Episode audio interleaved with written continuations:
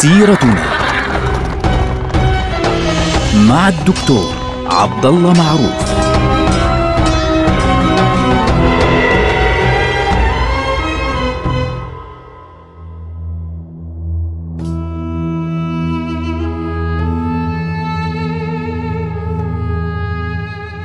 السلام عليكم ورحمة الله وبركاته. سيرتنا سيرة هذه الأمة العظيمة ونحن الآن في وقت عصيب تمر به الأمة.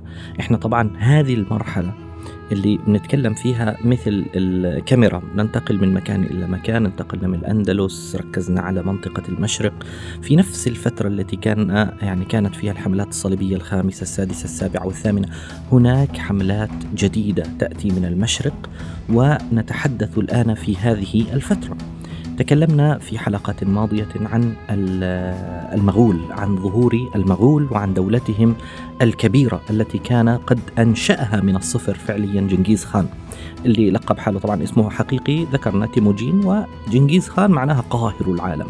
هذه المملكة الضخمة الكبيرة جدا بدأت يعني تتحرش في المشرق عندما يعني أول ما تحرشت مباشرة بالدولة الخوارزمية.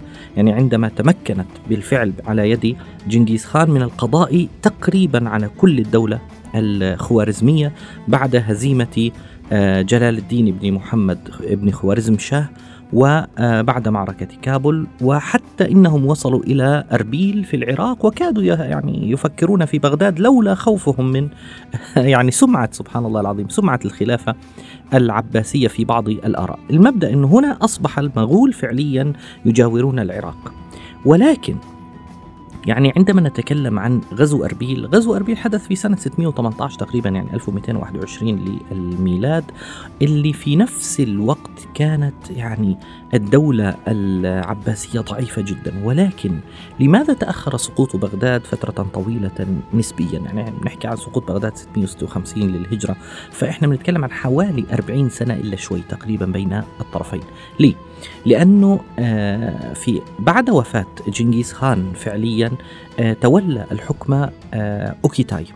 أوكيتاي هذا تولى الحكم من سنة 624 بعد وفاة جنكيز خان حتى 639 فعليا. في هذه المرحلة التي تمكن فيها أوكيتاي من الحكم أوكيتاي اهتمامه لم يكن بالمشرق الإسلامي. كان اهتمامه موجها إلى ناحية الشمال إن صح التعبير. يعني كان موجه إلى روسيا. فهذا الرجل من فترة 624 يعني بداية حكمه. حتى 639 استكمل القضاء على الدولة الخوارزمية. أي نعم خلاص أصبح يعني مواجها مباشرة على طول حدود العراق وكان له حدود أيضا مع بلاد الشام ومع دول دولة السلاجقة أو دول السلاجقة إن صح التعبير الموجودين في آه، الأناضول. إضافة إلى أرمينيا وهذه المناطق كاملة كان عندهم وجورجيا اليوم كان كلها له حدود معها بالكامل. لكن أوكيتاي كان اهتمامه بالدرجة الأولى في مملكة الروس. فلذلك ترك كل هذه المناطق في الجنوب وبدأ حملة في سنة 628 للهجرة يعني 1230 للميلاد. يعني بدأ حملة باتجاه الشمال الغربي إلى موسكو. طبعا موسكو معروفة أنه عموما عموما تسمى مقبرة للغزاة لأنه موسكو بردها شديد جدا جدا لكن ليس بالنسبة للمغول ليه؟ المغول جايين من مناطق يعني أصلا باردة، يعني منطقة منغوليا التي بدأ فيها المغول قريبون هم في هضبة التبت قريبون أصلا من آه، جبال الهيمالايا، فالمنطقة باردة أصلا. هم معتادين على الأجواء الباردة ولذلك كانت بالنسبة لهم يعني الحركة كانت سهلة. فتمكنوا من الدخول إلى موسكو يعني وصلوا إلى موسكو وبالعكس يعني توجهوا منها إلى أوكرانيا ودخلوا إلى كييف. آه، ومنها ذهبوا إلى المجر وسلوفاكيا وحتى وصلوا إلى كرواتيا. يعني نحن نتكلم تقريبا عن نصف آه، أوروبا الشرقية. نصف أوروبا الشرقية كلها سقطت بيد المغول وأصبحت الدولة البيزنطية نفسها مهددة بهم إضافة إلى أنهم صاروا قريبين من سواحل إيطاليا. يعني إحنا بنتكلم عن دولة كبيرة. الناس تتخيل إخواننا أن المغول فقط كان اهتمامهم بمناطق المسلمين وإنه القضية المشهورين فيها هي قضاؤهم على العراق وعلى آه، بغداد وبعدين معركة عين جالوت وإلى آخره. لكن الناس لا تتخيل كثير من الناس لا يتخيلون أن المغول وصل خطرهم إلى منتصف أوروبا. يعني الدولة البيزنطية كانت ترى فيهم خطرا وجوديا عليها. وحتى أوروبا الغربية يعني وصلوا إلى حدود ألمانيا مع وحدود النمسا وحدود إيطاليا بحيث أصبحوا يشكلون خطرا حتى على أوروبا. هذه الحملة كانت حملة أوكيتاي الذي كان يهتم أساسا بهذه المنطقة. فبالتالي يعني لم يكن بالنسبة له الاهتمام الأساسي بالنسبة له بغداد.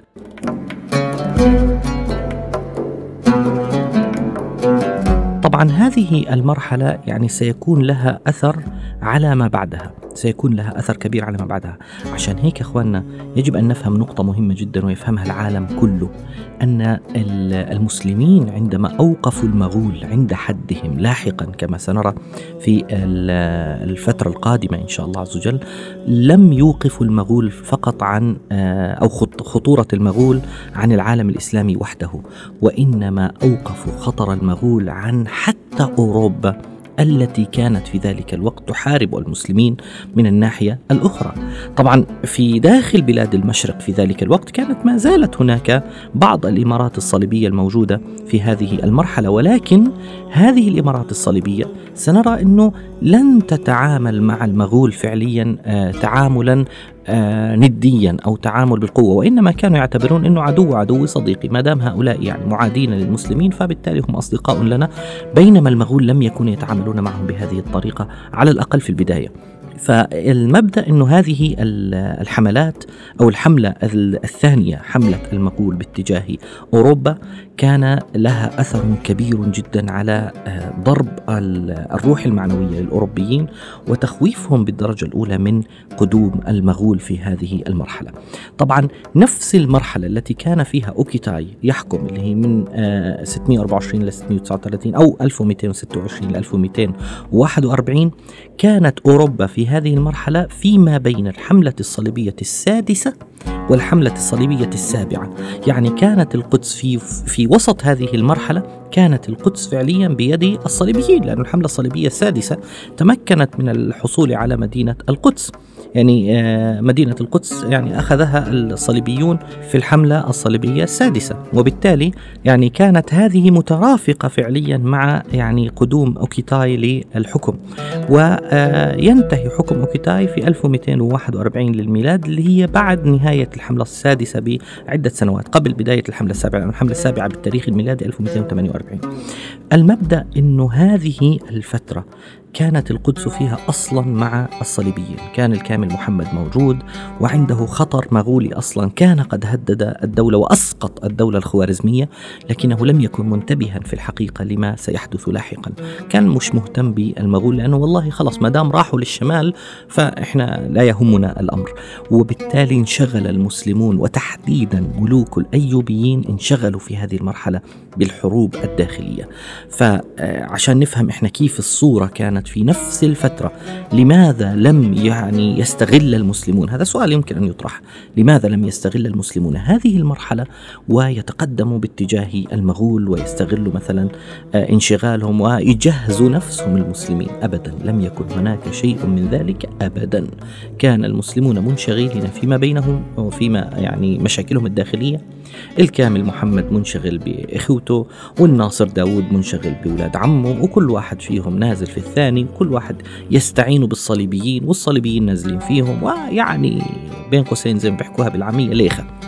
فالفكرة هذه المرحلة انتهت مع وفاة أوكيتاي.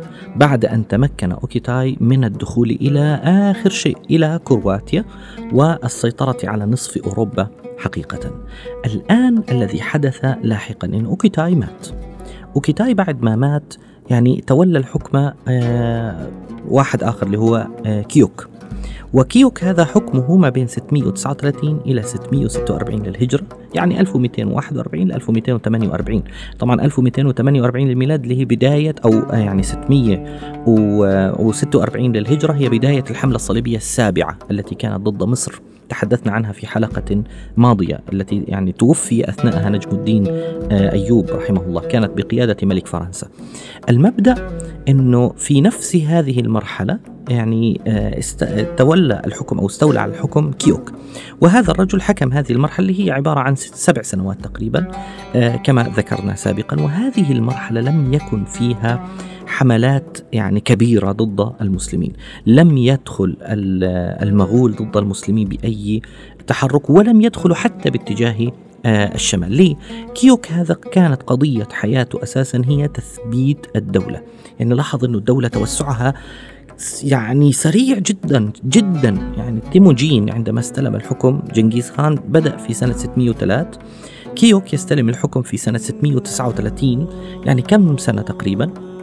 بنتكلم عن 36 سنة. في ال 36 سنة طبعا للهجرة أنا بتكلم يعني 1206 آه، بدأ الحكم جنكيز خان بالميلادي وإحنا الآن في 1241 للميلاد يعني بنحكي عن 36 سنة أو 35 سنة.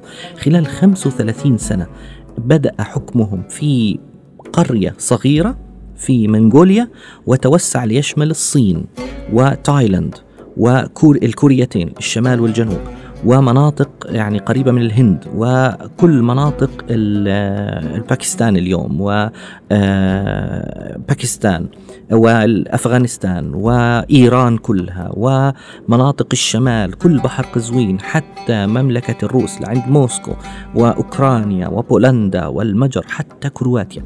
تخيلوا هذا الكلام خلال كم سنة؟ 35 سنة. هذا جنون. هذا توسع جنوني يعني سريع جدا جدا جدا.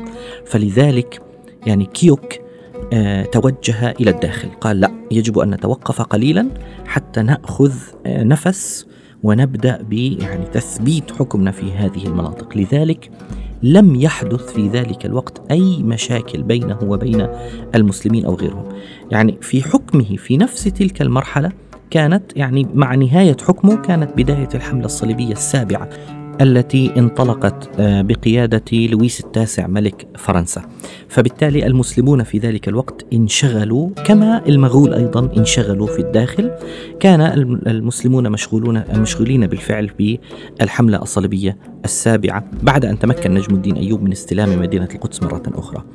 توفي كيوك في عام 646 اللي هو 1200 آه، للهجرة اللي هو 1248 للميلاد و يعني خلف وراءه طفلا صغيرا. طبعا الطفل الصغير هذا سيحتاج إلى وصي على العرش. يعني لاحظوا بدأت يعني بسرعة شديدة جدا خلال سنوات قليلة يعني في الثلاثينات من من عمر هذه الدولة.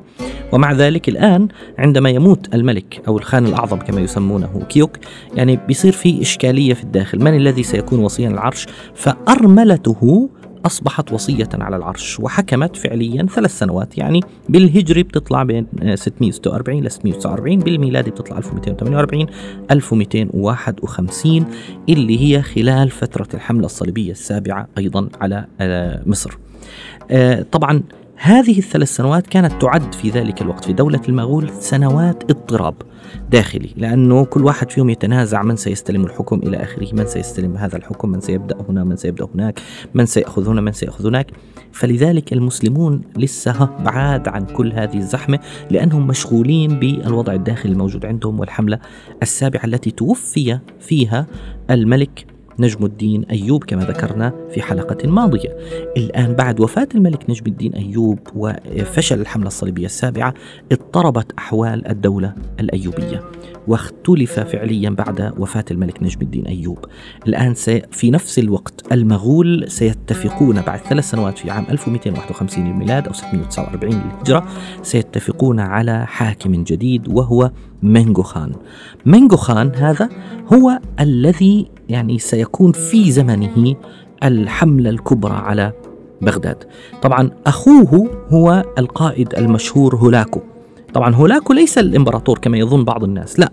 أخوه هو القائد هولاكو يعني هولاكو عبارة عن قائد وليس امبراطورا ولم يصبح امبراطورا أصلا.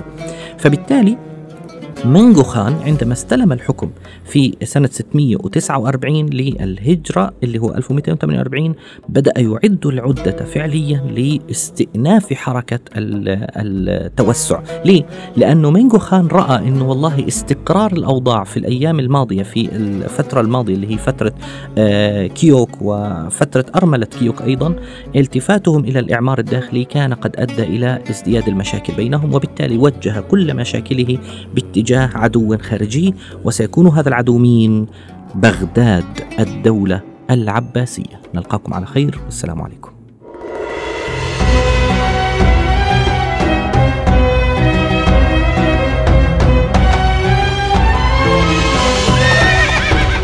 سيرتنا